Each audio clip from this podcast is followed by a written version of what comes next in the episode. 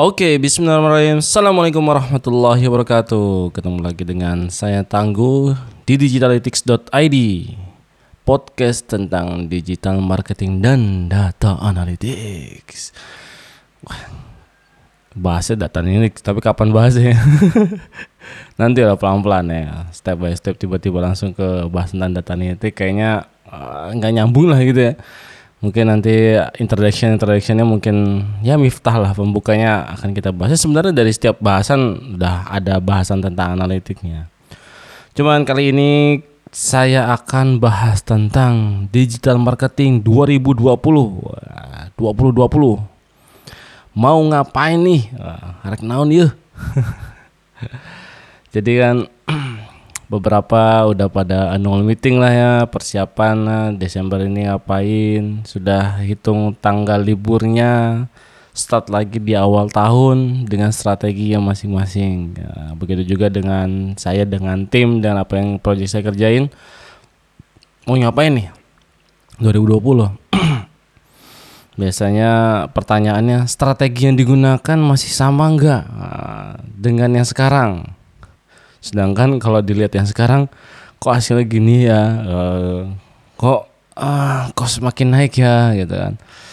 Usernya retensinya rendah ya. Uh, sedangkan ditanya mau pakai yang sekarang apa? Gimana nih strategi 2020? Ayo lah, boyang. iya pak lumayan pusing pak ngelihat dia namanya. Kalau nggak pusing ya nggak hidup ya. Pasti ada sesuatu tantangan strategi-strategi perubahan gitu kan. Harus manuver lah. Yang kadang-kadang uh, tidak biasa gitu melakukan. Ya sama karena kita apa yang lakukan dengan hal yang tidak biasa itu dilakukan juga para sahabat radhiyallahu anhum. Ya, mereka saat berperang tiba-tiba melihat suatu keadaan yang tidak biasa gitu kan. Atau apalagi waktu perang Yarmuk ya oh, tidak biasa melihat.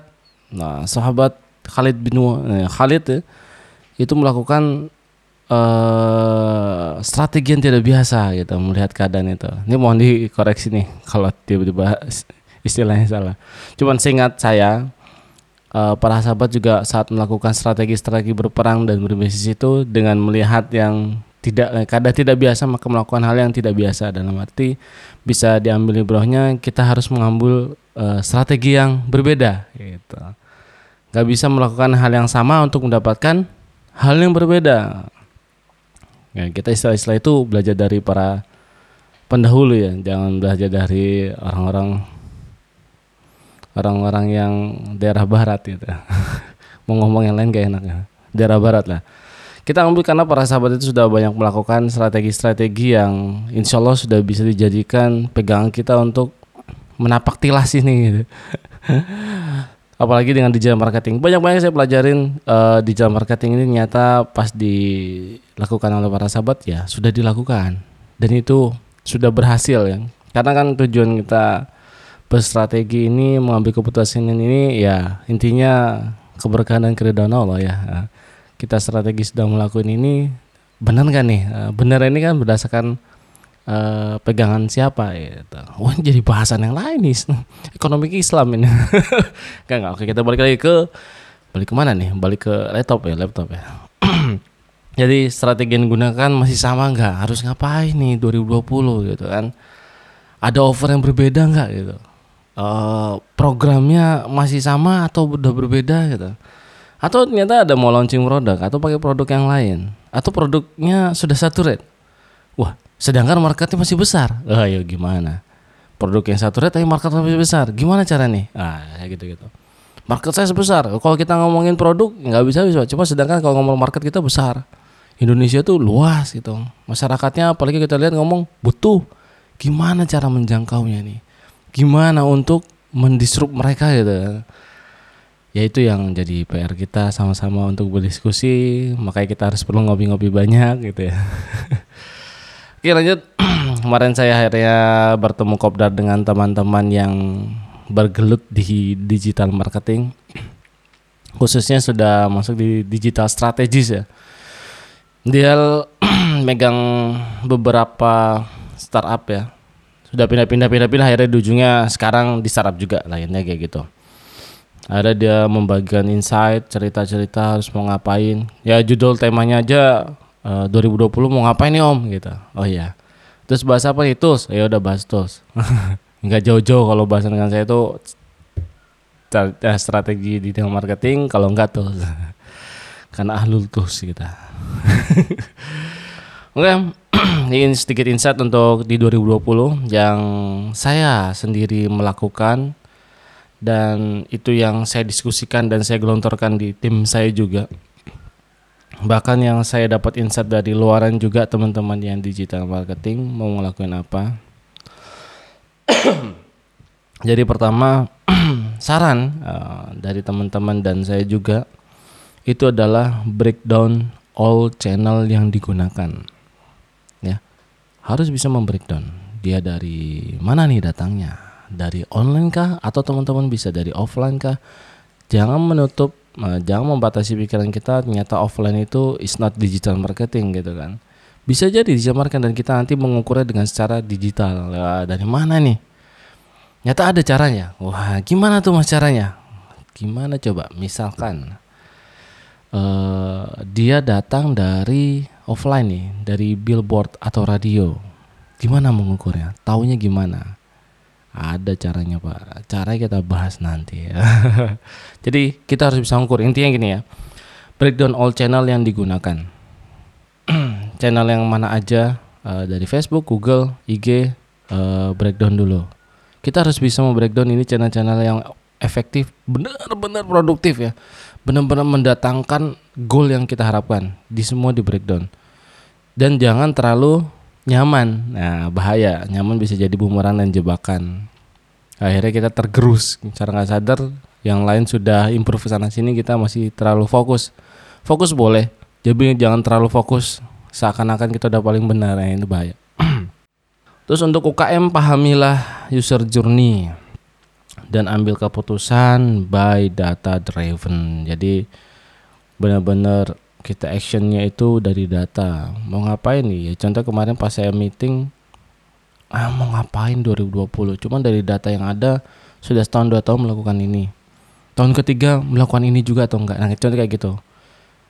Walaupun data tidak dipaparkan tapi mengambil keputusan itu by datanya. Nah, datanya saya tahu oh datanya begini begini begini uh, dan melakukan terus. Kah atau harus merubah strategi? Contoh kayak gitu UKM wajib kumpulkan database yang rapi. Ya, ini saran juga nih untuk diri saya dan teman-teman yang masih di UKM. Syukur-syukur bisa tersegmentasikan dan mendetailkan behaviornya. Nah ini penting.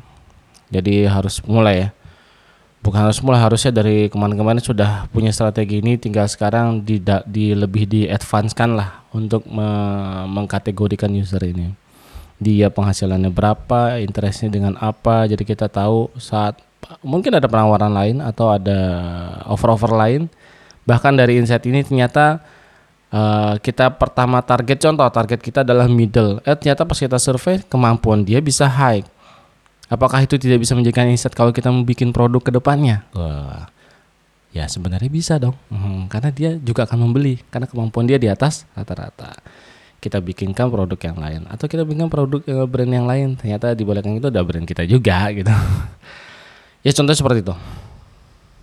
Itu yang dilakukan dengan marketing marketing yang lain ya. Dia membuka uh, tempat makanan sendiri sedangkan dia punya traffic yang tinggi dari para UKM dan akhirnya membuka lapak sendiri ya. Ya contoh seperti itulah isu-isunya Kemudian kita udah harus bisa mulai breakdown budget marketing. Nah, breakdown, uh, breakdown budget marketing Anda itu jangan selalu contoh-contoh. Saya ini tipe-tipe hard sell juga sih. Jadi jangan selalu hard sell dan berharap langsung menghasilkan sales.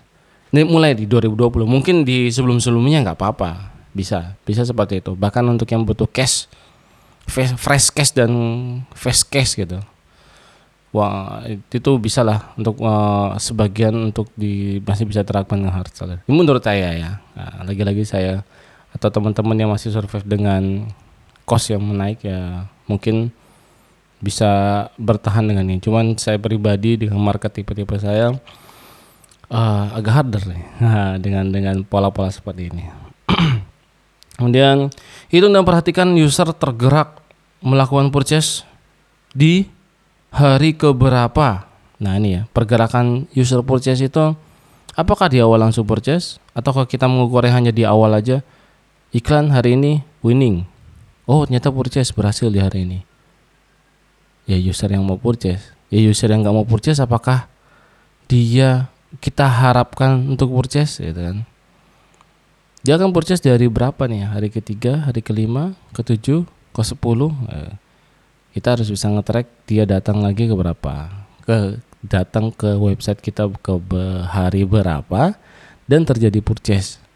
Gimana nge-trackingnya? Nah saya juga lagi mikirin nih nge-trackingnya gimana kalau di WA itu aja. Jangan kalau di website semuanya full nah, itu chat sampai purchase ya mungkin bisa. Insya Allah tuh bisa kalau itu karena karena datanya ter terstruktur ya. Cuma kalau tiba-tiba putus panelnya saat dari online offline ya kita harus gabungkan. Nah ini yang ada hadir nanti ID-ID-nya seperti apa. Berdasarkan apa kita mengumpulkan itu? Ya itulah tantangan kita untuk di data attribution. Contoh kayak gitu. Ya, jangan lupa mengukur dia melakukan purchase di hari berapa. Apakah setiap purchase itu di hari pertama? Dan apakah hari pertama selalu gitu kan? dan tahun depan kita melakukan hari pertama. Kalau hari pertama mulu ya berarti user baru mulu jadi. ya, ya. Jadi dari dari kita tahu jadi kita bisa melakukan campaign aja dan di mana saja dan kita breakdown ya, ya. Dari sini aja kita udah tahu kita dia datang di purchase di hari ke-7, ke-14 kita breakdown. Dari dari channel mana aja, kita menjalankan campaign dan strategi campaign apa yang saat itu sedang dilakukan. Nah, itu harus di breakdown.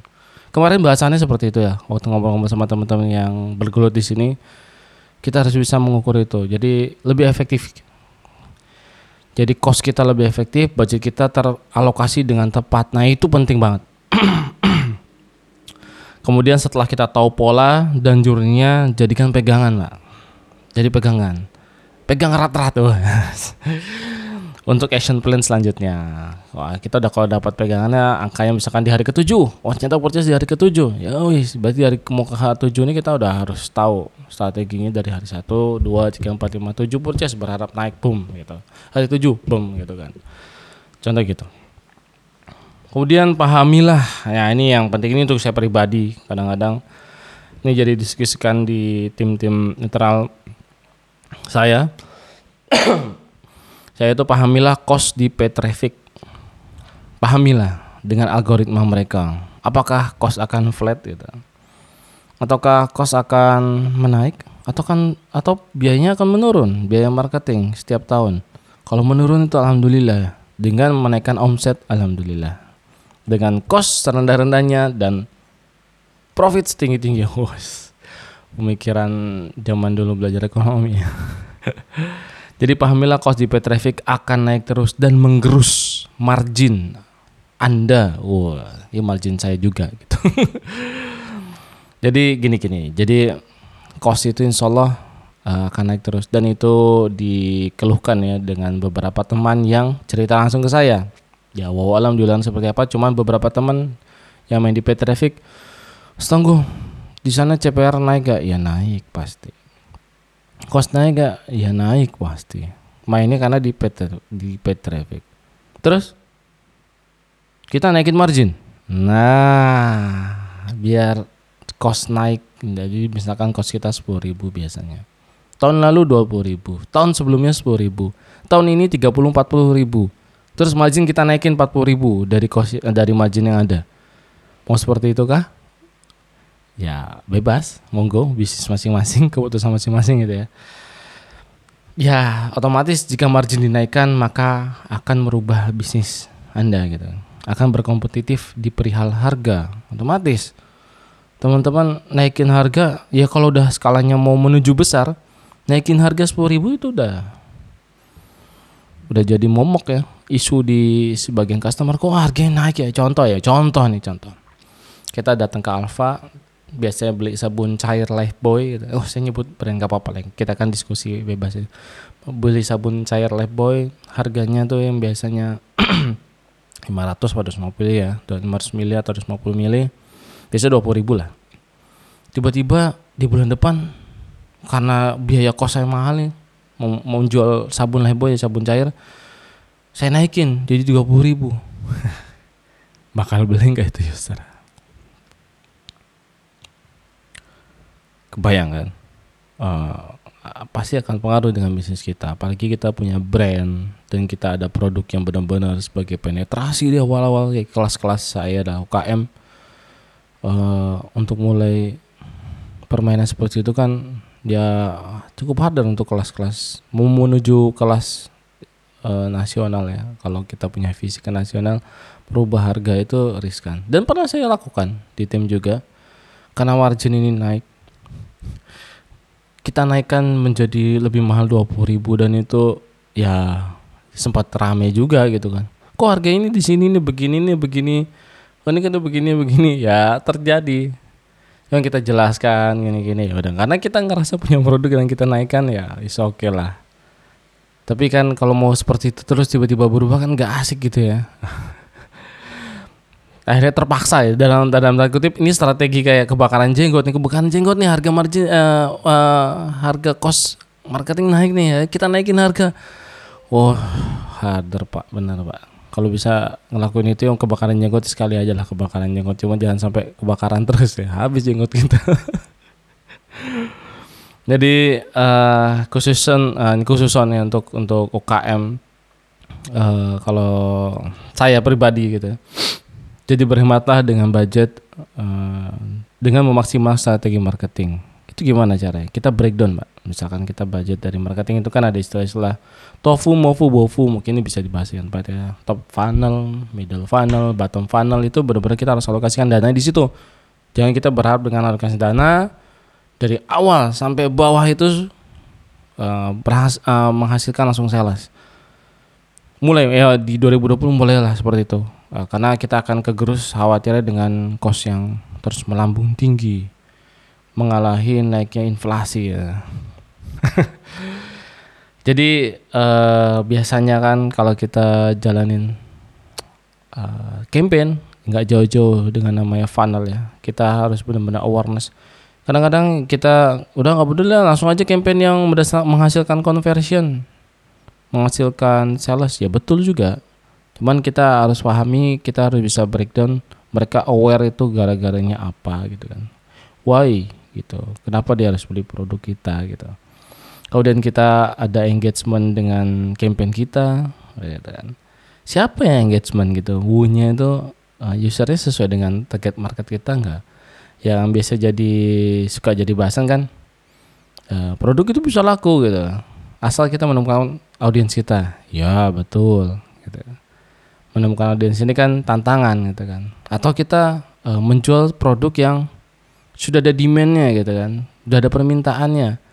Gimana cara menemukan permintaan ini? Yaitu tantangannya di situlah kemudian kita masuk tahap biasanya di funnel itu consideration.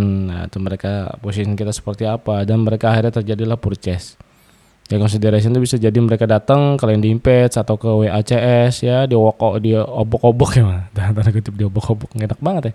Di follow up lah di follow up akhirnya dia terjadi purchase. Mereka kita kasih aware kesadaran kenapa butuh produk kita. Atau kita jadi pelajaran kenapa dia nggak butuh produk kita kok nggak beli-beli gitu ya. Ya itu jadi pelajaran kenapa nih? Data seribu yang beli cuma 100 kenapa nih? Kenapa nih? Apa yang salah? Ya itu kita breakdown lagi tuh mundur pak. Dari salah sih mundur mundur mundur mundur sampai di hulunya itu seperti apa. Jadi jangan berkutat di beberapa tempat aja. Tapi kita breakdown baru kita berkutatlah di tempat yang salahnya. Sudah sampai purchase John tidak pak. Lanjut pak. Kita dari purchase kita lanjut. Nanti kita bisa uh, ada retention, ada adoption, ada kita mau ekspansi lagi dengan produk-produk yang lain, atau kita mau bikin apa lagi nih produknya gitu kan bisa nanyakan customer. Dan sampai level advokasi gitu kan mereka sudah menjadi customer loyal. Bahkan mereka jadi evangelis ya bahasanya mereka akan menceritakan produk-produk kita dan menjadi di top of mind gitu ya. Nih contoh seperti itu. Bahkan uh, sudah mulai ke arah digital lah untuk aset-aset kita data-data kita disimpan di eh, tempat-tempat data yang jang, yang mudah diakses dan sudah tersegmentasi jangan di tempat-tempat yang kita sendiri mengaksesnya susah. Untuk kerja timnya susah jangan. Contoh jadi kita taruh di platform yang di cloud lah atau di web base ya ada aplikasi ada atau tools yang bisa menghandling itu semua. Dan terintegrasi. Nah gitu. Dan bocorannya insya Allah saya akan bikin tempat itulah wadah itu. Ini ini hitung-hitung promo sebelum ada produknya. Dan Bismillah semoga produknya ada. Kemudian uh, kita jadi dari step-step ini uh, mengerti ya dari dari data-data yang dapat kita mau growth strategi ngapain nih? Akan enak tuh. Apakah harus selalu menggunakan paid berapa persen? Kita menggunakan influence berapa persen budgetnya? Di mana ya Mox apakah di situ harus dipush terus gitu kan? Ya balik lagi ke data dan hasil ya. Dan nanti kita bikin lihat sustainable-nya seperti apa. Ke depannya apakah bisa seperti ini lagi atau enggak? Kemudian apakah kita bisa menggunakan referral strategi di bisnis kita? Alhamdulillah sedang dicoba di tempat saya juga strategi referral ini cukup unik dan asik dan banyak feedback yang baik ya. Baik lagi ke produk, hati-hati dengan produk.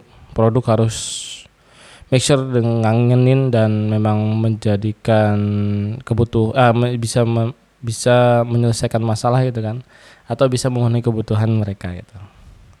Jadi solution atau memenuhi kebutuhan. Oke, itu aja sih uh, saran dan cerita gitu ya untuk persiapan 2020. Lagi-lagi uh, mungkin sharing terakhir saya sebelum ini selesai nih podcast nih. Jadi kemudian kita harus tes ukur, jangan lupa tes ukur terus, jangan dites terus jangan ngetes jangan ngetes mulu tapi lupa ngukur ya kemudian dari apa yang kita ukur itu ambil tindakan kita actionkan lagi gitu. Dapat polanya kita gelontorkan ke tim jadiin strategi terus kita matengin ya. sembari persiapkan strategi lainnya untuk atau produk susulan dari yang sudah kita lakukan. Uh, kadang-kadang saya suka bertanya dalam diri ini uh, lima tahun lagi masih mau seperti ini cara kita berbisnis dengan strategi-strategi ini atau enggak? Atau 10 tahun lagi mau seperti ini gitu itu kadang-kadang dalam diri saya harus ngapain nih sebenarnya yang fit ya strateginya kayak apa yang yang ya ujungnya sebenarnya kan kita mencari keberkahan gitu. carilah keberkahan dan bekal untuk persiapan nanti nah goal bisnis kita nih harus bisa memecahkan masalah dan menghasilkan ini Mungkin itu aja dari saya persiapan digital marketing di 2020. Semoga bermanfaat. Terima kasih. Assalamualaikum warahmatullahi wabarakatuh.